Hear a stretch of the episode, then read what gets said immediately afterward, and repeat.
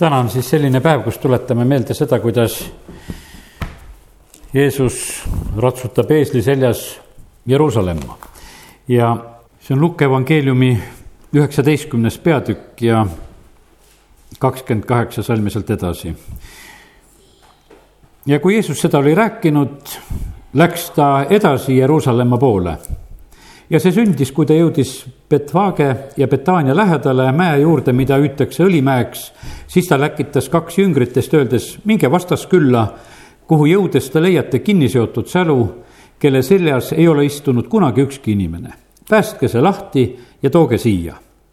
ja kui keegi peaks teilt küsima, et miks teda lahti päästate, siis öelge, issand vajab teda läkitatud aga läksid ja leidsid kõik just nõnda, nagu Jeesus neile oli öelnud ja kui nad sälu lahti päästsid, ütlesid selle omanikud neile, miks te sälu lahti päästate? Nemad ütlesid, issand vajab teda. ja nad tõid selle Jeesuse juurde ja heitsid oma rõivad sälu peale ning panid Jeesuse tema selga istuma. aga kui ta hakkas liikuma, laotasid nad oma rõivaid tee peale. aga kui Jeesus juba sinna lähedale sai, kus minnakse Õlimäelt alla, hakkas kogu jüngrite hulk rõõmustades valju häälega Jumalat kiitma kõigi vägevate tegude pärast, mida nad olid näinud. õnnistatud olgu, kes tuleb, eh, kuningas issanda nimel, rahu taevas ja kirkus kõrgustes. ja mõned variseridest eh, rahva hulgast ütlesid Jeesusele, õpetaja, hoiata oma jüngreid. ta vastas, ma ütlen teile, kui need vaikiksid, peaksid kivid hakkama kisendama, aamen.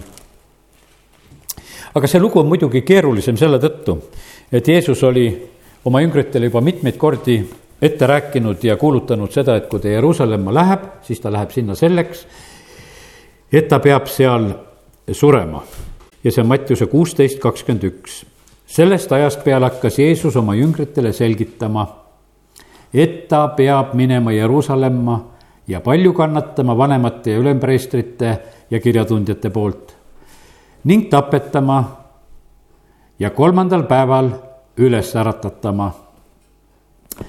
ja seda ta rääkis vähemalt kolmel korral, nagu evangeeliumid meile seda räägivad. esimesel korral Peetrus reageerib üsna ägedalt selle peale, et sellist asja õpetaja sinul ei peaks juhtuma aga Jeesus siiski rääkis, et ei, see nii olla ei saa, et kes iganes tahab oma elu päästa see kaotab selle, kes iganes kaotab oma elu minu pärast, see leiab selle. et Jeesus ei tulnud mitte lihtsalt oma elu hoidma ja, ja sellepärast ta läks seda teed, ta läks seda meie eest andma.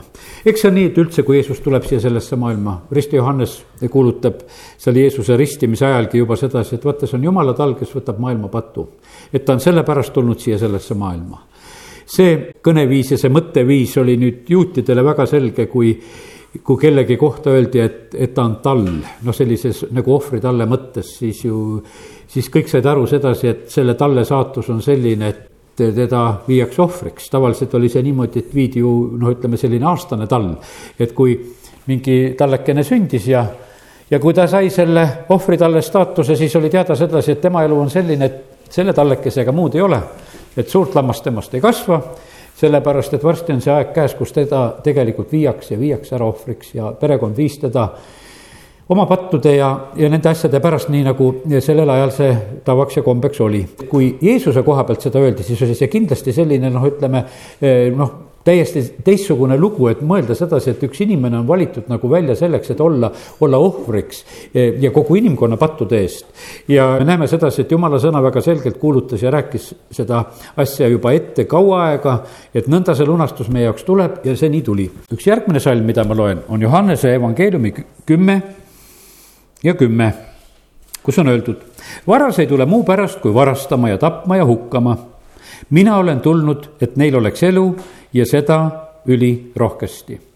Jeesus tuli Jumala talleks, aga ühtlasi ta tuli siia selleks, siia sellesse maailma, et meil oleks elu ja et meil oleks lausa igavene elu. nii et see on väga-väga suur eesmärk, milleks issand tuli siia maailma ja ta tuli seda kõikide inimeste jaoks kõigil aegadel, enne teda ja, ja pärast tema tulekut siia sellesse maailma, nii et, et see on niivõrd oluline, tähtis, sest et ei ole, teist teed ei ole Jumala juurde, kui me issanda Jeesuse Kristuse kaudu. kaua aega oli sellest räägitud, et selline tee tuleb, vana-testamendi inimesed pidid ootama samamoodi, nii nagu me sõnast loeme sedasi, et nad pidid seal Abrahamis üles ootama seda aega, et kui Jeesus on oma lunastustöö teinud, et siis on põhimõtteliselt nende jaoks ka taevauks avatud, sellepärast et ennem olid nad nagu selles Abrahamis üles, nagu me mõistame seda lugu seal, mida Jeesus isegi räägib. ja Hebra kiri ütleb meile väga selgelt sedasi, et, et kui see lunastus oli toimunud, siis see nagu eh, vabastas nagu kõik sellepärast, et kui Jeesus juba ristil sureb, siis ta ütleb sellele ühele röövlile, kes ta kõrval on, ütleb, et täna pead sa minuga paradiisis olema.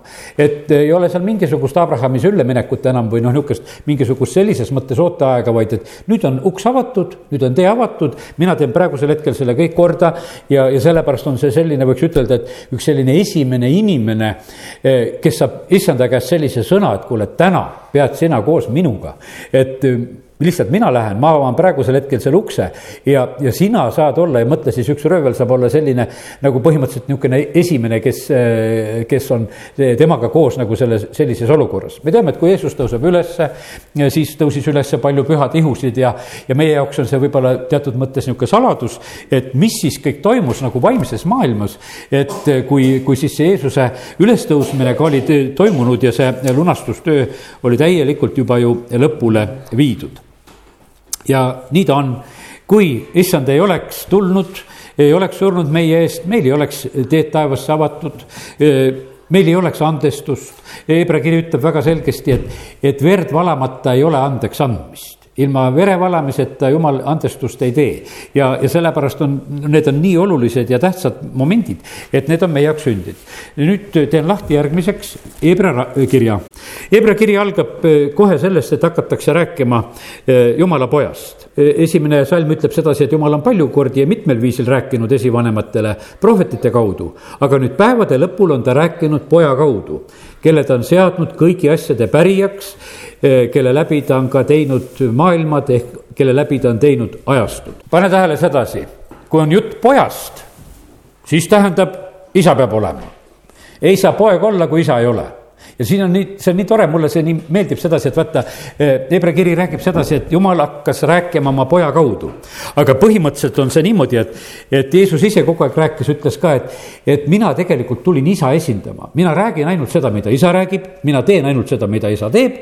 ja, ja nüüd päevade lõpul on juhtunud see, et jumal saadab oma poja siia sellesse maailma ja, ja tema hakkab tegutsema, täide viima kõike seda, eh, mis oli jumala plaanides. kolmas salm ütleb veel väga võimsalt sedasi, et, et eh, Kristuse koha pealt meile seda, et eh, tema,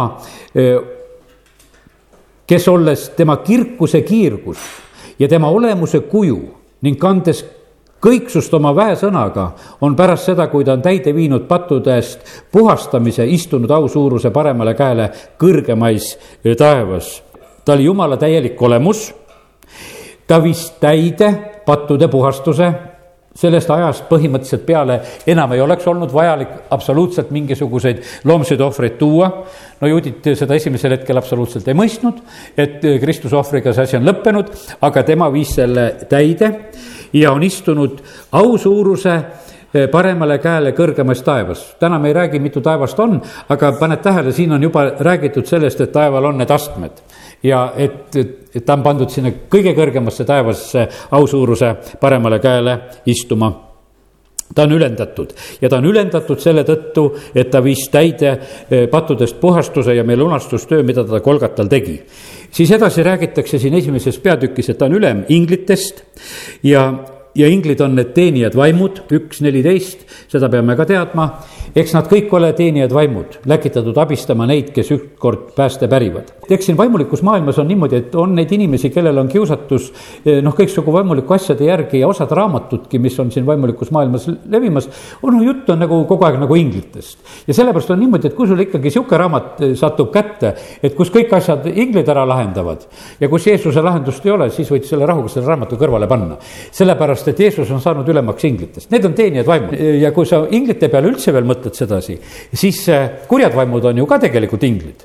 Nad on ju langenud inglid ja kurat ise on ju samasugune ingel ju tegelikult, ainult ta oli see noh, see Lutsifer, see kõige ilusam, ülevam, oma kõrges, väga kõrges positsioonis, mis ta oli.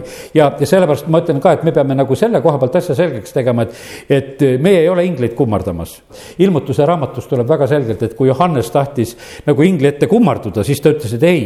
et tead, et seda ei tohi teha, et jumalat tuleb kummardada, et ilmutuse raamatus on see asi ka väga selgelt räägitud. me hindame väga ingleid ja las nad kaitsevad ja varjavad ja, ja kõik, aga nad ei ole mitte jumala positsioonis.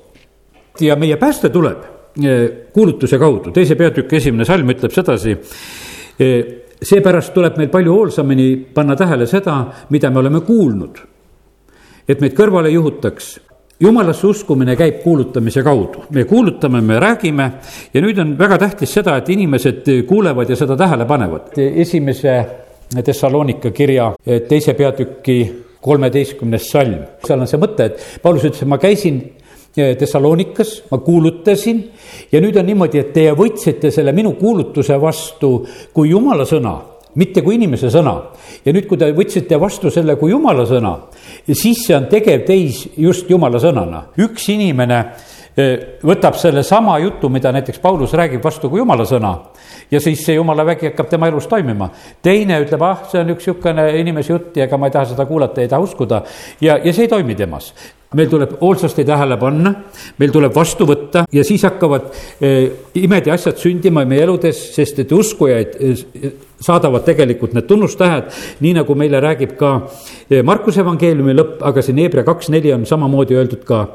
kusjuures Jumal ise on kinnitanud nende tunnistust tunnustähtede ja imedega, mitmesuguste vägevate tegudega ning püha vaimu andidega, mida ta jagas oma tahtmise järgi. ja sellepärast on jumala sõna kuulutus on sellise Eh, mõjuga, sest et kui jumal näeb sedasi, et keegi uskus, siis asjad hakkasid sündima. kui Jeesus läheb Natsaretti, ta oma kodukülas ei usuta sedasi, et kuule, et see Natsareti poiss, et no mis asja tal rääkida meil on. ja on suur uskmatus tema koha pealt ja ta saab aidata väheseid uskujaid, keda ta saab tervendada, teised jäävad kõigest ilma. sellepärast, et nad ei oska seda vastu võtta. tahan täna julgustada selle koha pealt, et ärme teeme kunagi südant kõvaks sellele, kui, kui jumal on rääkimas. jumal räägib nii suveräänselt ja mina saan seda vahest niimoodi kogeda, et et mina jutlustan või räägin, räägin mingit sõnumit koguduses ja, ja siis vahest tuleb selline tagasiside või reageering, kuidas inimene ütleb, et, et mida tema kuulis, mida mina ütlesin. Siis ma saan aru sedasi, et, et ma üldse seda ei rääkinudki.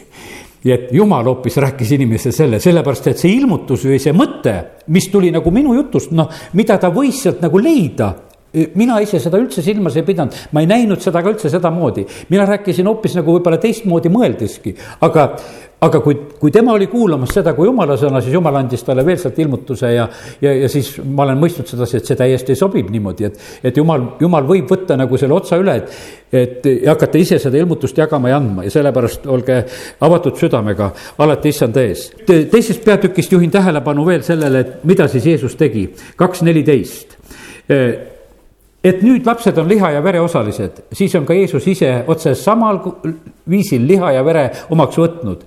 et ta surma kaudu kõrvaldaks selle, kellel on võimus surma üle, see tähendab kuradi. ja me, pange nüüd tähele sedasi, et Jeesus saab inimeseks, sellisel moel ta tuleb surma võitma, aga ta tunnistab ja ütleb siin Hebra kiri väga selgelt meile selle mõtte, et ta kõrvaldas selle, kellel oli võimus surma üle ja kellel see võimus surma üle oli, oli öeldud, see tähendab kuradi kuradil oli võimus surma üle, tead, kuidas ta selle, selle võimuse surma üle sai? ta sai sellisel moel, et ta pettis inimese ära, et inimene tuli surma sisse. ta lihtsalt rääkis selle vale jutu, meelitas ja ta teadis sedasi, et jumala ajal oli see sõna välja öeldud, et kui astutakse üle, siis surm tuleb. ja kurat suutis tegelikult selle asja viia, et see toimus sest et ega inimene ise ei hakanud noh, üle astuma, vaid ta läks selle meelituse tõttu. ja nüüd on niimoodi, et kurat võttis nagu selle, selle relva nagu enda kätte, selle surma sellisel moel, ta kasutas esimest korda seda varianti ja, ja ta sai nagu selle võimuse surma üle. aga nüüd kui Jeesus sureb, siis sõna ütleb meile väga selgelt, et ta tegi kuradi relvituks, võttis ta käest ära surma ja surmavalla võtmed. enam ei ole surmal sellist meelevalda absoluutselt meie üle, sellepärast et Jeesus lahendas selle, selle asja eh, meie jaoks eh, lõplikult tegelikult ära. meie ei pea laskma eh, kuradil nagu valega vedada ennast selle surma sisse. vale tee on ohtlik tee. vaata, küsimus on nagu selles, et kui meie sattume valele teele nagu Taavet oma laulus küsib sedasi, ütleb, et, et ega ma ei ole nagu sellel ohtlikul teel või sellel valel teel vale tee ei vii ju õigesse kohta, sest et kui sa oled valel teel, siis sa ju eesmärgile ei jõua. ja nüüd on niimoodi, et ja kurat suudab tegelikult vahest inimesi eh, nagu meelitada ära valele teele ja vaata, see, see ongi see tegelikult see ohtlik asi. aga kiitus Jumalale, et, et issand tuli meile siia maailma selleks teeks ja kui me teda järgime, siis me ei eksi nüüd ütlen ühe ilusa toreda asja eh, veel ja mis on Hebra kirja kolmanda peatüki kuuenda salmi lõpuosa. ja tema koda oleme meie Eh, kui me vaid peame kinni julgusest ja lootusest, eh, mille üle me kiitleme. ja siin on eespool räägitud sellest, et, et igal kojal on valmistaja neljas salm ütleb sedasi, et igal kojal on ju oma valmistaja. meid jumala sõna võrdleb sedasi, et, et me oleme ka need pühavaimu templid. jumal on meid valmistanud, meid päästnud, igal kojal on, kojal on valmistaja. ja, ja sellepärast kiitus Jumalale, et me võime lihtsalt neid asju nagu selliselt mõista. ja, ja meie Kristuse kogudusena üheskoos oleme ka sellises positsioonis, et meid ehitatakse üles ka kui Jumala koda nendest elavatest kividest ja, ja Jumala jaoks seitsmes salm sellest peatükist ütleb seda, et, et täna, kui te tema häält kuulete, siis et me ei teeks oma südant äh, kõvaks. ja pane tähele, see on, vaata, kuidas jumala sõna meid kõnetab, ta ütleb, et täna, kui tema häält kuulete ja see on igal päeval nii ma ütlen, et ega jumal ei räägi meiega igal päeval mingeid erilisi asju, et noh, et me, me ei suudaks nagu eh, ära kuulata, et ei tea, mis jälle tuleb. Eh, aga pane tähele sedasi, et üldiselt on see niimoodi, et jumal räägib meiega igal päeval. Eh, jumal on valmis meiega rääkima igal päeval ja, ja sellepärast ja siin on öeldud, et täna, kui te kuulete ja sellepärast peab olema meil nagu kõrv valmis nagu kogu aeg, et jumal, kui, kui sa tahad rääkida, räägi. ja me ei saa seda alati nagu lausa nõuda sedasi, et sa pead rääkima ja ma usun sedasi, et kui me läheme tõsise küsimusega vahest jumala ette ja vahest võib-olla jumal laseb natukene oodatagi, kui ta vastab sellele küsimusele, mis on. aga põhimõtteliselt on see niimoodi, et meiepoolne eh, valmisolek peab olema, et kui on jumala hääl, et siis me oleksime need, kes me vastu ei pane, ei teeks oma südant kõvaks, vaid eh, hoopis paneme seda tähele ja teeme selle järgi, mida ta ütleb. ja eks meie hädade põhjus siin maailmas ongi see ka, et, et meie sõnakuulmatus. ollakse sõnakuulmatud no kui oled sõnakuulmatu, oled uskmatu, eh, sest usk eh, tuleb kuuldust. Ja, ja kui sa oled uskmatu, see tähendab lihtsalt ei eh, usalda Jumalat ja, ja tead, mis siis juhtub ja siis usaldatakse valet. kui paljud inimesed usaldavad praegusel hetkel siin selles maailmas valet. sellepärast, et aga mille pärast? no lihtsalt sellepärast, et valet on nii palju. seda ei ole absoluutselt puudu, seda muudkui räägitakse igasuguste olukordade ja asjade kohta ja, ja me olemegi, võiks ütelda, väga paljuski nagu sellises lõksus ka. aga nüüd on nii tähtis, et me, et me tunneksime ära sedasi, et, et kus koha peal see vale hakkab nagu, nagu tulema ja et me siis ei jääks seda valejuttu kuulama, vaid vaid hoopis paneksime kinni eh, vale kuulamise jaoks, et ei kuula, ei pane seda tähele, ei usu seda valejuttu ja, ja meie usk eh, peab tulema tegelikult eh, kuulutuse kaudu, mis tuleb issanda käest, mis tuleb tema sõnast. ja nagu neli kaks ütleb sedasi väga ilusasti, et, et meile on kuulutatud evangeeliumi nõnda nagu neilegi, kuid kuuldust sõnast ei olnud neil kasu, sest see ei talletunud usu läbi kuulajaisse. no siin on osad, kes ei kuulnud ja nurisesid ja olid noh, oma teistes hädades. jumala sõna, mida me täna ka siin räägime, see peab lahustuma nagu meie igasse rakku täna me seal hommikul palusime ka, et me ajurakud uueneksid ja ajurakud, kuulake nüüd, need uued rakud ka et meie usume issandasse Jeesusesse, et Jeesus on isand. sa pead teadma, kes on, sellepärast et muidu need uued rakud ei tea mitte mõhkugi. sellepärast, et nendele tuleb ütelda, sellepärast et vaata, see, kui me räägime, see peab imbuma, see peab meis lahustuma. ja see, ja sellepärast on see niimoodi, et meie noh, ütleme, et ajurakkude koha pealt no on seda skepsist olnud, et kui palju need uuenevad. aga üldiselt meie rakud uuenevad kogu aeg, ega me muidu ei saaks neid aasta, aastakümneid elada ja see uuenemine toimub kogu aeg. aga see on huvitav sedasi, et, et, et see kuulutus on ka sellepärast tähtis et need uuenenud rakud, mis meie ihus on, need vajavad samamoodi kuulutust. meil on niisugune tunne, et noh, et kuule, et, et no mis need, mis need rakud kuulevad, aga kuulevad kõik. tegelikult on see niimoodi, et kõik kuulevad jumala poja häält ja, ja sellepärast me oleme täna ka selles usus. ja ütleme, et las see imbub meie sisse, las see imbub igasse meie rakku ja kuule, ja kui on tõde imbunud igasse meie rakku, tead, kui hea on siis olla. no kus on siis valel maad, kui, kui tõde on ennem sinna kohale imbunud ja siis, kui tuleb mingisuguse äh, halva haiguse pisuk, pisik ütleb, et ma tahan siia rakku elama tulla, siis tõde ütleb vastu, et ma olen ammu siia juba tulnud, et kaua minema tead. et sellepärast, et mina tulin juba ennem siia ja, ja sellepärast ära sina tule oma valega. aga teate, kuidas need valed mõjuvad? käi arsti juures ära ja kui ta sulle ütleb mingisuguse põmm-diagnoosi siis on niisugune, et lased nagu vahest kõik uksed lahti, sellepärast sa kuulsid täna seda häält ja muudkui võtad vastu. Ja, ja sellepärast see on nii kerge nagu tulema, see tuleb kuulutuse kaudu sageli. ja sellepärast no need juba vanad kulunud näited, võiks ütelda, et, et inimesele aetakse proovid segi, et terve inimese, haige inimese proovid. Ja ühele öeldakse, et sa oled terve, et sul olid proovid korras. inimene saab terveks, teisele öeldakse, et sa oled haige, su proovid olid kehvad. Ja, ja nad vahetavad kohad ära jutu peale ja see tundub nagu ebaloogiline, et kuidas see saab olla. aga ei, see ei ole ebaloogiline, sest just tuleb kuuldust ja kõik rakud alistuvad, kui hästi haigeks jääda, tähendab, oleme haiged ja, ja hakkame seda praegusel hetkel vastu võtma nagu kolin, eh, mida siin praegusel hetkel välja kuulutati.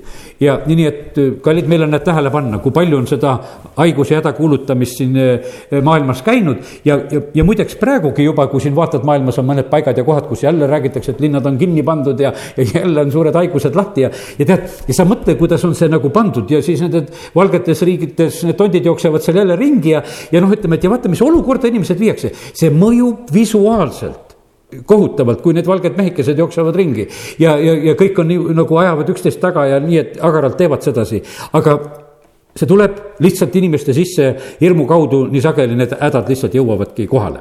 aga täna eh, me ütleme issandale, tere tulemast, tule sina, nii kui sa tulid Jeruusalemma, tule sina igaühe tegelikult me, meie, eh, meie ellu. ja nüüd, eh, mm, kus mul siin järjekord on, ma mõne asja veel ütlen siit Hebra kirjast ka. viis üheksa, nii tore salm on öeldud sedasi, et, et ja kui ta oli saanud täiuslikuks ta sai igavese pääste toojaks kõigile, kes on talle kuulekad ja lihtsalt täna jälle kuuleme seda sõna ja vaata, ta on igavese pääste toojaks meile, kes on talle kuulekad. ja, ja ega seda, ma ütlen, et me kunagi ju seda ei tea, kus meil on nagu noh, nagu seda usku nagu, nagu viimaseks või lõplikult vaja, et kus me toetume, et vaata, me praegusel hetkel elame, me elame nagu usus. aga ühel hetkel on see niimoodi, vaata, kus kus meie usk läheb nagu praktikasse, ma ikka mõtlen sedasi, et näiteks kui mu isa oli surivoodil, siis ma nägin sedasi, tema tunnistab sedasi, et noh, et see issand, kellesse ma nüüd eh, noorest põlvest juba uskusin, et see mind nüüd kannab. et ma ei lahenda siin enam mitte mingisuguseid asju, et mul on juba need kõik asjad ära lahendatud, et ma tean, kelle oma ma olen, ma tean, kuhu ma lähen, et, et vaata ja siis näed sedasi, et vaata, oo, millise rahuga mees võtab asja, ütleb, et sünnipäevaks olen taevas ja, ja siis näed sedasi, et, et see nagu kõik toimib et see ongi niimoodi korras ja, ja sellepärast on kallid niimoodi, et, et meie saame selle pääste eh, ja ta on meile igavese pääste toojaks kõigile, kes on talle kuulekad, kes me jääme nagu sellesse usku ja, ja ei tagane sellest ära. kuues eh, peatükk, seitsmes salm ütleb ühte asja veel eh, väga huvitav asi jälle. maa, mis joob sagedasti sellele langevat vihma ja kasvatab kasulikke taimi neile, kes ka harivad, seda harivad, saab õnnistuse Jumalalt maa, kes joob sagedasti seda vihma. kallid, me olemegi siin niisugused, kes sagedasti joome. mullast oleme võetud, ütleb jumala sõna, me oleme, võiks ütelda sellises mõttes maa. me joome sagedasti, jumala sõna ütleb eh, prohvet Jesaja raamatus seal viiekümne viiendas peatükis ütleb sedasi, et, et jumala sõna on nagu vihm ja lumi ja see kastab meid ja see praegusel hetkel kastab ja meie joome seda praegu me joome seda sagedasti, me joome paljud seda kolmapäeval ja joome seda pühapäeval ja, ja muudkui joome seda ja sa-, joome sagedasti. Ja tead, mis siis juhtub? kui me seda sagedasti joome, siis see kasvatab kasulikke taimi. See kasvatab, see toob kasu meie elus, see toob midagi kasu meie elus, las, las need asjad kasvavad. sellepärast, et see on nagu selline eh, jumalapoolne selline eh, õnnistus meie jaoks. ja teate, mis on öeldud? Ja, ja kes seda harivad ja nüüd on niimoodi, et meie oleme oma, eh, kuidas ütelda, oma hinge ja haridust saamas siin selles paigas jälle, et oleme oma hinge pärast oleme mures. Ja vaata ja, ja siis on öeldud, see saab õnnistuse Jumalalt me saame õnnistuse Jumalalt, see tänane õhtu tuleb meile õnnistuseks. see on nii, niimoodi, et see võib tunduda sedasi, et, et noh, lähed nüüd õhtul lähed koju ja siis mõtled, aga mis õnnistuse ma siis sain. et kus ta siis nüüd on, tead, eks, et, et mida ma sain. see on täpselt nii, kui ma oma poiste käest vahest küsisin koolis, koolist tulles, et no said targemaks või, et no mis te seal täna õppisite. teate, et noh, et no vahepeal midagi ütlesid, mida siis õpiti ka. aga see on ju, no mis sa ikka selle ühe päevaga targemaks said. aga kui sa kooli ära lõpetasid, ikka olid hulga targemaks saanud küll et kokkuvõttes oledki see. Ja sellepärast on see niimoodi, et me saame, me joome sagedasti. Ja, ja see tulemus on tegelikult, on ühel hetkel täiesti nähtav. Ja ma usun, et mingil määral vahest märkame oma elus ka, et, et aastate möödudes oleme usus kasvanud.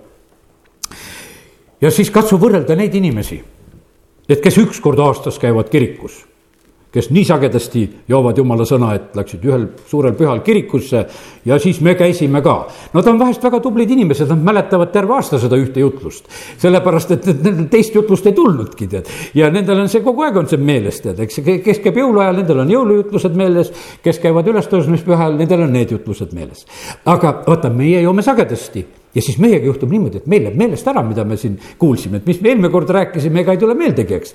aga, aga vaata, see ei olegi tähtis, et see niimoodi alati on meeldinud, see on juba ammu imbunud meie sisse. see on juba korda saatnud sedasi ja me oleme juba valmis, et võtame uut peale, las aga tuleb. me võtame sagedasti ja, ja see kõik on hästi. Nonii, seitsmes peatükk, kaksteist äh, salm on selline huvitav asi, kus on räägitud Aaroni preestri ametist ja, ja, ja see muudeti, Aaroni preestriamet muudeti, preestriameti muutmisega sünnib ju paratamatult ka eh, seaduse muutmine. ja, ja täna me hommikul Võrus jumalateenistusel olles eh, pisut ka rääkisime sellest, et kuidas meie ülempreester vajab neid ohvreid ja kuidas ta läheb siis tegelikult nende ohvritega ise, isa ette, kuidas ta on vandega et jumal on vandunud, et sina oled igavesti preester, sest ükski teine Aaroni soost preester ei olnud igavesti, nad olid surelikud, nii kaua kui elasid, olid preestrid, surid ära, tuli järgmine aga Jeesuse koha pealt on öeldud sedasi, et, et tema sai selle igavese preestri ameti ja, ja ta on selles ülempreestri ametis igavesti tegelikult meie jaoks. ja, ja sellepärast kiitus Jumalale, ma palju selle tema preestri ameti juures rohkem ei ole, kui ütlen sedasi, et tema elab aina selleks, tuletan veel seda meelde, kakskümmend neli ja kakskümmend viis salm seitsmendas peatükis, elades aina selleks, et eh, nende eest paluda. Eh, ta palvetab meie eest, ta on eestkostja meie eest. ja nii nagu täna hommikul nimetasime kaheksa kolm, et, et preestril on ohvreid vaja ja meie toome neid rahaliselt, me toome kiituseohvreid ja me anname oma ihud Jumalale elavaks ja meelepäraseks ohvriks ja teeme neid asju. ja, ja kiitus Jumalale et meie ülempreester on ise oma ihus saavutanud meile igav, igavese lunastuse, üheksa kaksteist räägib meile selle, siis ta läks sisse mitte sikkude ja vasikate verega, vaid iseenda verega, minnes ühe korra kõige pühamasse paika ja saavutas meile igavese lunastuse. ja üheksa viisteist räägib sellest, et Vana-testamendi aegsed inimesed said ka sellest osa. seepärast ongi temaga uue lepingu vahemees selleks, et kutsutud, kui tema surm oli saanud lunastuseks esimese lepingu aegsetest üleastumisest, saaksid kätte igavese pärandi tõotuse. et vaata, see Vana-testamendi lepingu pärandi tõotus läks koos Kristusega käima, sellepärast et ei ole teist, et taevas on Kristus ja sellepärast on niimoodi, et jumal on ustav oma asjades ja, ja sellepärast nemad pidid lihtsalt ootama seda aega, et millal läheb see kehtima. üheksa kakskümmend kaks on tähtis mõte, Moosese seaduse järgi puhastatakse peaaegu kõik asjad vere kaudu. ja ilma vere valamiseta ei ole andeks andmist ja sellepärast on Jeesuse veri meile niivõrd tähtis, sest et kui sõna ütleb sedasi, et andestust ilma verevalamiseta ei ole ja sellepärast on me pääseme lihtsalt selle talle vere tõttu. Ja sellepärast, et see on valatud meie eest, see on meie lunastus. ja, ja see puudutab tegelikult eh, väga otseselt meid. Kuna kakskümmend kuus salm üheksandast peatükist, kuna muidu oleks ta pidanud kannatama mitu korda maailma rajamisest peale, kuid nüüd on ta üheks korraks aegade lõpul ilmunud, et ennast ohvriks tuues kõrvaldada pattu. ja otse, kui inimestel on seatud ükskord surra, pärast seda ka kohus. nõnda ka Kristus, üks kord juba ohverdatud, et ära kanda paljude patud, ilmub teist korda mitte enam patu pärast, vaid päästma neid, kes teda ootavad. ja sellepärast on see niimoodi, et kui Jeesus tuli Jeruusalemma ja, ja rahvas rõõmustas, et et, et selline asi hakkab täituma, mida prohvetid olid ette kuulutanud ja, ja kõik ei mõistnud päris seda, mis on seal sündimas. Nendel oli lihtsalt Jeesusest hea meel, et parandab haigeid ja, ja vaata, ta nüüd tuleb. aga põhimõtteliselt oli see lunastuse lugu seal sündimas, aga nüüd on meie ootus niimoodi, et ega Jeesus enam ei tule oma verd valama siia maa peale või mingit lunastust tegema, vaid ta tuleb just nendele järgi, kes me usume ja ootame, nii kui me täna siin oleme, jälle räägime neid Jeesuse lugusid ja oleme ootamas ja ta tuleb päästma neid, kes teda ootavad ja kui ta tuleb pilvede peal, siis ta võtab hopsti ära kõik need, kes teda ootavad, sest et siin on mitte mingisugust kahtlust ei ole. ta saab täpselt aru, et, et kas kas teda oodati või mitte ja vaata, kui ma täna rääkisin siin sellise noh, väikese poisi sihukest loogikat, et kui tähtis oli temale, et kas vanas ja vanam ootavad teda ära, et ta auto peale saaks tulla. vaata, need ootused ja asjad on noh, nii tähtsad. meie ei taibanud sedasi, et poiss ootab. aga teate, meie taevane isa taipab praegusel hetkel ära küll, kui me issandat ootame. et kas meil on igatsuste järgi või ei ole, ta saab täpselt aru. meie võime vanematena vahest ah, mõelda sedasi, et, et nagu valesti ei mõista vahest oma lapsigi. aga meie taevane isa täpselt mõistab seda asja, et äh, mille pärast me oleme siin ja sellepärast kallid. ma usun sedasi, et vaata, meie koosolekud on nagu head mõttes selles asjas, meil ei ole mitte midagi siit saada kui peale selle, et me tuleme, kuulutame, räägime Jeesusest. kui mul oleks siin mingisugust humanitaarabi nurgas ja mul oleks toidukotid ja me kutsuksime inimesi, et tulge, et, et saate. no me saaksime neid inimesi, kes tuleksid selle järgi. ja ega selles ka ei ole midagi halba, kui inimesed tühja kõhu pärast tulevad.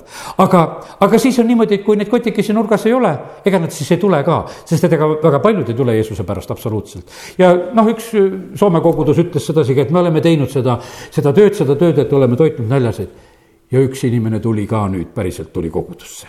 ja et siis nad olid rõõmsad, et selle leiva söötmisega suutsid üheni ikka jõuda, et, et jõudis Jeesus ka temani veel. ja, ja nii, et see läheb väga vaevaliselt. ja ei, jumal olgu õnnistamas neid, kes teevad seda rasket tööd, kes toidavad näljaseid, see on väga hea, aga ma ise tunnen nagu rõõmu sellest, et, et need, need meie kogunemised, mis on, et sellel, nendele kogunemistele tulevad tegelikult inimesed tulevad issanda pärast. me oleme tegelikult teda ootamas, sest issand tuleb ka lõpuks nendele järgi, eh, kes on teda, teda ootamas. nii et kiitus Jumalale.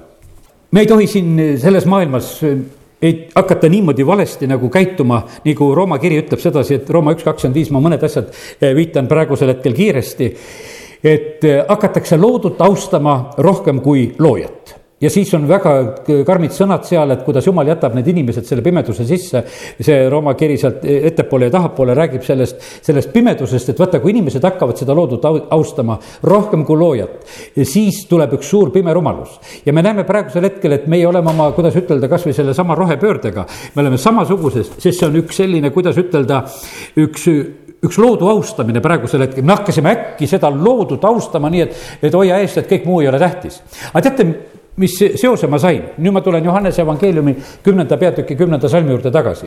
kurat tuli tapma, röövima ja hävitama. ja vaata, nüüd on niimoodi, mina näen sedasi, et kasvõi see, seesama sihukene, see rohepööre, noh, mis on praegusel hetkel pööratud eh, siin meie ette nagu mingisugune tähtis asi. see hetkel tegelikult röövib meid rohkem, kui meid aitab see on pandud meile nagu mingisuguseks aitajaks. ja, ja mina ütlen, mina sellest absoluutselt aru ei saa, kui mina näen sedasi, et, et poes enam plastmasslusikaid ei ole, meil on suured puulusikad tehtud. no kuule, need puid võetakse nagu loogu seda metsa maha ja nüüd me hoiame seda loodut, et me seda plastmasslusikat ei võta ja, ja, ja kui me teame sedasi, et need elektriautosid tehakse praegusel hetkel niimoodi, et, et tohutu vask läheb. Need, kes seda asja tunnevad ja teavad, et nad kaevavad siia maa sisse sihukese augu oma vasenäljas praegusel hetkel, et need elektriautosid toetada, et see on nii kallis neid asju teha ja, ja siis kõik lõppkokkuvõttes need akud ja värgid ja, ja ütleme, et ja praegu on niimoodi, et kui, kui niimoodi rääkida, noh, kus sa niimoodi tohid rääkida, sest see idee on praegusel hetkel tõstetud nii kõrgele.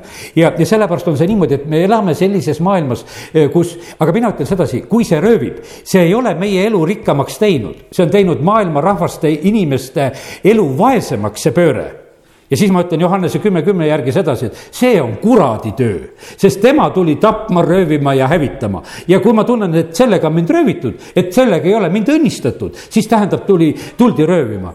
kui Jeesus külastas Sakjuse kodu, siis ta ütles, et täna on sellele kojale õnnistus tulnud. ta ei tulnud sedasi, et Sakjus tundis, et nüüd oli sihuke pööre, et, et ma olen, ei tea, mis minuga on juhtunud. Sakjus ütles, et küll, et mul ei ole mingit probleemi, poole oma varandusest jagan vaestele, kellel olen ülekohut teinud, annan neljakordselt tagasi ka, aga ta ei ütle mitte sugugi, et ma olen vaeva, vaesemaks jäänud, sellepärast et täna on tegelikult õnnistus tulnud. ja sellepärast ma ütlen, et meil peab olema praegusel hetkel sellist taipu, kus me ära tunneme sedasi, et, et issand tuli selleks, et meil oleks elu ja seda ülirohkesti. ja sellepärast kõik see selline, selline piirav ja, ja ahistav ja, ja kitsendav ei, see ei ole issandast, see kõik on tegelikult on kuradist, võiks ütelda, mis siin selles maailmas on. sellepärast, et kui jumal loob selle maailma, ta loob vabaduse inimesel siin maailmas elada. aga me näeme sedasi, et meil on aina mingisugused, et nii käin seda nööri mööda praegusel hetkel siin selles maailmas. ja sain täna hommikul just nagu selle, selle ilmutuse, et, et kui issand tuleb siis ta tuleb külastama õnnistusega, kui kurat tuleb, siis ta tuleb külastama röövimisega. ja, ja sellepärast on niimoodi, et ärme aja neid tegusid segi. Kui Eh, jumal külastas tegelikult Iisraeli ja ma mõtlen siin nüüd nagu seda Ruti raamatu aega, siis Noomi kuulis, et Iisraeli on külastatud. kuule, lähme Petlemma tagasi, sest issand on külastanud seda paika, seal on jälle leiba küllalt ja, ja nad põhimõtteliselt lähevad, eh, lähevad sealt tag, sinna tagasi. ja, ja sellepärast eh, kiitus Jumalale selle, selle eest ja, ja vaata, praegu on selline lugu, et me oleme nagu ühes teatud sellises perioodis kus, kus rahvas on nagu mingis mõttes on nagu vaikimas. üldiselt on see niimoodi, et, et inimesed sunnitakse praegusel hetkel vaikima inimesed ei julge enam tõde rääkida, inimesed ei julge asjadest rääkida, ei julge oma suhtumistest rääkida, sellepärast et mingisugused suhtumised on pandud kehtima üldse maailma mõistmise, kõigi olukordade üle, mingisugused tõed on välja kuulutatud ja siis kuulutatakse välja, kes teistmoodi mõtleb, et on vale mõtleja ja oled juba mingisugune ketser ja süüdi. Need asjad kuulutatakse praegusel hetkel eh, väga tugevalt siin välja. ja siis juhtub täpselt, ja teate, mis aeg see on selline, kui sihuke vaikimine on? See on paali teenimine sellepärast, et mis oli Ahapi ajal, kõik rahvas oli vait. sellepärast, et kui eile tuleb Karmeli mäele, küsib inimeste käest, et kuule, et kes siis jumal on. kõik on vait ei julge nad ütelda ei Paali, ei julge nad ütelda Jumalat, kõik on vait. kui eile oli suutnud ära teha selle eh, teenistuse, ohvriteenistuse, tuli tuli taevast, eh, siis, siis rahvas ütleb ühel hetkel, et issand on Jumal. ja teate, mis asi juhtub siis, kui, kui öeldakse, et issand on Jumal, siis oli Paali omadele häving, siis järgmine hetk öeldi, et pidage kinni ja eile tappis need Paali prohvetid ära.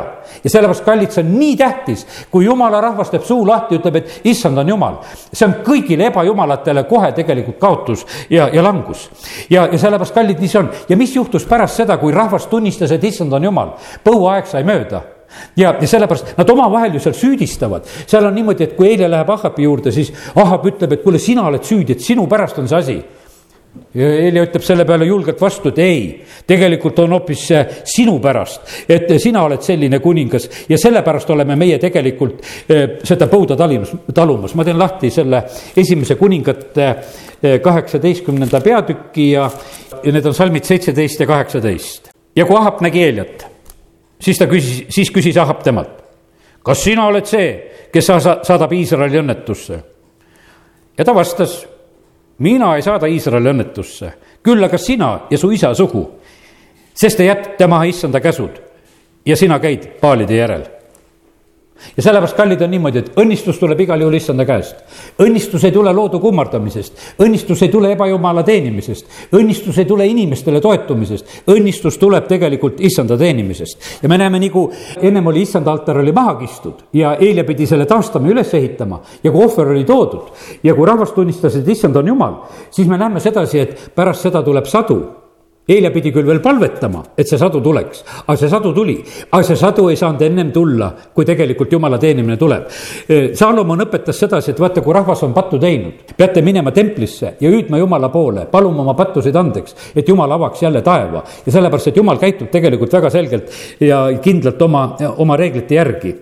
ja, ja kiitus Jumalale, aga nüüd on nii, et selle maailma vürst see sõdib väga tugevasti tegelikult tõe vastu ja üks järgmine asi, mida täna tahan ütelda, siin on samamoodi.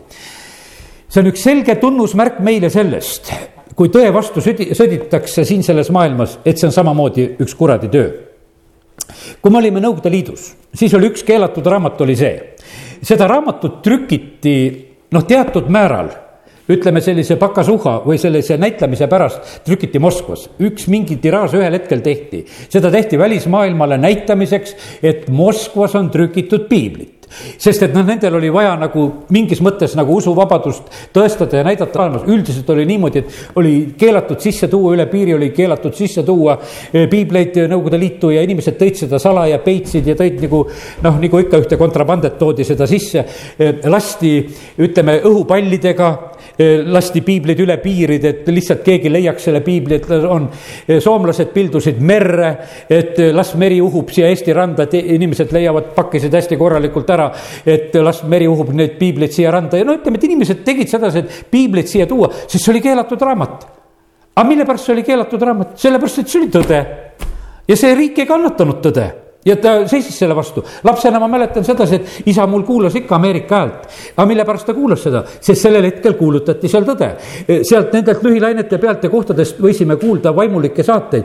Need asjad, mis olid noh, ütleme siin nagu keelatud, mida siin tehti, segajad töötasid, eriti töötasid need Tallinna pool, Põhja-Eesti pool. tead see, kui seal tuli Ameerika hääle aeg eesti keeles, siis hakkas üks hurra, hurra, hurra, hurra pihta. kui see pooletunnine saade ära lõppes, siis see hurra, hurra lõppes ära. Need segajad lülitati lihtsalt sellel ajal sellele lainepikkusele tööle ja need olid Tallinna linnas üleval, need mastid teada, millega seal segati eh, neid, neid lainepikkuseid, et inimesed ei saaks kuulata. ja, aga noh, ikka me täpselt sättisime ja ikkagi kuidagi me sealt midagi ära kuulasime. ja, ja nii ta on, aga see on alati niimoodi, et tõe vastu tullakse. me oleme praegu selles ajas, kus me näeme, kuidas palju tõekanaleid pannakse kinni lihtsalt suletakse inimestele igasuguseid eh, kanaleid, kus inimesed kuulutavad ja räägivad, lihtsalt pannakse kinni, sest et tullakse nende tõerääkijate vastu. aga issand ütles samamoodi seda, et, et me peame sellega arvestama, et et selle vastu, meie vastu tullakse, nende vastu, kes Jumalat armastavad ja tõde armastavad. Eh, Mattiuse viiendas peatükis Jeesus hoiatab, ütleb sedasi, et õndsad olete teie, viis üksteist, kui teid minu pärast laimatakse ja taga kiusatakse ja teist valega kõikskust kurja räägitakse. olge rõõmsad ja õisake, sest teie palk on suur taevas. samamoodi on taga kiusatud ka prohveteid enne teid. ja, ja me teame sedasi, et Jeesuse ülestõusmise loost Mattiuse evangeeliumi kakskümmend kaheksa ja kaksteist salm on öeldud niimoodi, et mida siis seal Jeruusalemmas veel tehti ja need tulid koos vanematega kokku ja võtsid nõuks anda sõduritele rohkesti raha ja, ja mille pärast? et nad valetaksid, nad õpetasid, öelge, Jeesuse jüngrid tulid öösel ja varastasid tema ära, kui me magasime. ja kui maavalitseja peaks sellest kuulda saama, küll me teda meelitame ja teeme ja teie võite olla mureta. Ja nemad võtsid raha ja tegid, nagu neid oli õpetatud ja seda juttu levitatakse juutide seas tänini. Eh, niimoodi kirjutab evangelist Mattius sellest asjast ja kallid, praegusel hetkel on niimoodi, et, et valetajad saavad praegusel hetkel ka raha siin selles maailmas. sellepärast, et tõerääkijad on sageli nagu sellises olukorras, eh, kus nemad peavad iseendaga kuidagi toime tulema ja hakkama saama. aga valetajatele antakse üsna lahkesti raha, et peaasi, et teie eh, te,, teie oma valet levitaksite. osad, osad need, kellel on seda Eh, valetamist pakutud, on seda lihtsalt üles tunnistanud ja rääkinud ka, et tullakse pakkuma, et kui sul on palju kuulajaid ja sa oled teatud kuulsus, et tule me maksame sulle, aga räägi lihtsalt meie, meie seda meie juttu, et meil on vaja, eh, kes, kes seda eh, räägiksid. ja, ja tõekanaleid pannakse praegusel hetkel kinni. Nii et jäta meelde, see on üks oluline tegelikult tunnus selle koha pealt, kus, kus on tõde, sest et tõe vastu väga tugevalt selle maailma vürst tuleb ja kallid, nüüd on veel üks mõte, mida veel räägin, et siin maailmas võib olla, meie elus võib olla topeltröövimine. Meie röövijaks võib olla kurat, nii nagu ma ütlesin, ta tuli tapma, röövima ja hävitama. aga kallid, meil võib olla niimoodi ka, et kui me jumala seaduste järgi ei ela, kui me oleme ebajumala teenistuses, siis me võime olla sellises olukorras, kus jumal ütleb, et mina puhun laiali ja vaata, kui õnnetuse olukorras me siis oleme, see on nagu topeltvärk, eks, et nüüd üks asi on selline, et niikuinii elame röövli käes ja siis on niimoodi, et ja jumal on veel, kes tuleb, ütleb ka sedasi, et, et aga mina puhun laiali. ja, ja, ja sellepärast, kallid, nii see on, et, et me sõltume niivõrd tegelikult äh, äh jumalast me sõltume sellest õnnistusest, sellest vihmast, mis tuleb jumala käest. me sõltume äh, sellest, et kui me käime jumala reeglite järgi, siis ta kallab meile õnnistust. Eh, issand lubab tegelikult jääda eh, vahest väga kitsasse kohta. Eh, kadunud pojal, nagu Jeesus räägib sellest, sellest nooremast pojast, et, et tal tuleb viimaks tühi, tuleb kätte ja, ja ta on selles raskes olukorras. aga teate, see kõige ärapuhumine, et ta jäi sellisesse olukorda, see oli talle õnnistuseks. sellepärast, et kui tal see tühi kätte ei oleks tulnud, teate, kõikidel ei tule, kõikidel patustel ei tule tühi kätte. osad surevad oma rikkuse sees ja, ja absoluutselt ära ja tead, õnnis on see, kellele pigem see tühi kätte tuleb. Olen ikka rääkinud, et nagu Toode Arnostki, kes oli siin esimese vabariigi ajal, et võeti need suured äh, saeveskid tal asjad ära ja, ja tema ikka tänas, et tänas Nõukogude võimu, tänu jumalale, et tegi mind vaeseks, ma leidsin nüüd Jeesuse. tead, et muidu ma oleks oma rikkusega hukka läinud. tead, kui laps olin, mäletan, mäletan sellist venda, sest et see on tõsi. aga vaata, see, see saab töötada nende juures, keda issand kutsub, kes sellest keelest aru saavad. teate, õnnis on see poiss, kes vargile minnes vahele jääb. mäletan, et üks ema rääkis sellest, ütles, et poiss poisid läksid vargile, läksid poodi vargile ja, ja siis on niimoodi, et üks, üks pääses ära ja teine jäi vahele. noh, vahele jäämine nagu paha ja aga põhimõtteliselt oli niimoodi, et hiljem oli see selline olukord, et, et see üks poiss, kes vahele jäi, no sellest sai korralik poiss, sest see noh, see kutsuti lihtsalt korrale ja temaga palju midagi ei juhtunud, ega talle lapsena mingit suurt karistustki ei tehtud. lihtsalt see korrale kutsumine ja manitsus oli talle eluks.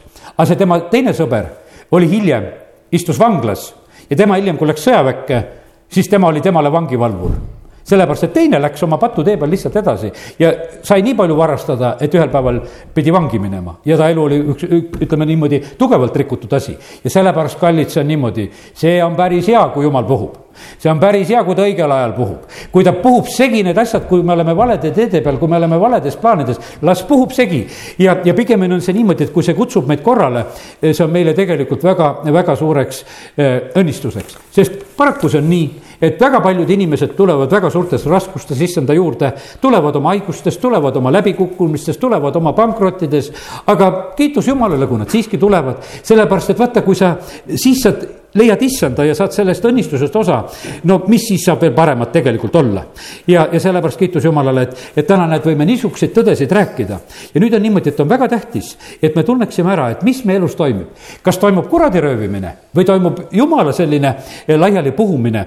ja et me ei oleks need ka, kes me tegelikult nagu eh, kuidagi Jumalale vastu paneme, et me peame ära tundma. Eh, Saulus oli selline hea meeles, et kui ta sealt hobuse pealt maha kukkus ja seda valgust nägi, siis ta küsis, et kuule, et kes sa oled, tead. et et mis minuga praegusel hetkel juhtub. ja issand ütles, et mina olen Jeesus, kes siin praegusel hetkel sinuga tegutseb. ja, ja sellepärast kallid ja kui me tunneme ära issanda e, ja kui me võtame tema tege-, kutse tegelikult vastu, e, siis hakkab meie elus kehtima see, et kõik tuleb heaks neile, kes issandat armastavad ja tema tahtmise järgi on kutsutud. siis hakkab nagu see sünergia e, koos, issandaga koos töötama ja õnnistused tulevad tegelikult meie ellu ja sellepärast kiitus Jumalale, et oleme saanud täna rääkida, et issand tuli siia sellesse maailma, issand tuli Jeruusalemma, issand viis täide lunastuse ja väga tähtis on tegelikult, et, et issand tuleks igaühe meie ellu. ja väga tähtis on see, et me igaüks ootaksime issandat, aamen halleluuja ja isa, me täname sind, et sina annad sõna ja me täname sind, et me võime sellest sagedasti tegelikult juua ja me võime sellest sagedasti süüa ja, ja, ja see on täna jälle meid kastnud ja sellepärast, jumal, me võtame selle rõõmuga vastu. issand, me armastame sind, me ootame sind ja me täname sind, issand, et me täna võime paluda, et las see sinu sõna imbub meie igasse rakku. jumal, me täname sind, et sinu, sinu väge uuendab meie surelikke ihusid ja me täname sind, et see tänane õhtu on seda samamoodi tegemas meie juures ja issand, me oleme väga tänulikud ja õnnelikud selle eest. isa, kiituse tänu sulle, isa, ma palun seda, et sinu õnnistus ja sära jääks meiega kaasa nendesse eelolevatesse päevadesse, ka selleks pühade nädalaks. jumal, me täname sind, et, et kõigi selle murede ja igasuguste olukordade ja, ja asjade keskel, mis iganes siin selles maailmas on, me võime olla rõõmsad, kui me vaatame, issand, sinu peale ja me võime rõõmustada, sest sina, issand, oled maailma ära võitnud ja meie oleme sinu omad. isa, kiitus ja tänu ja ülistus sulle, amin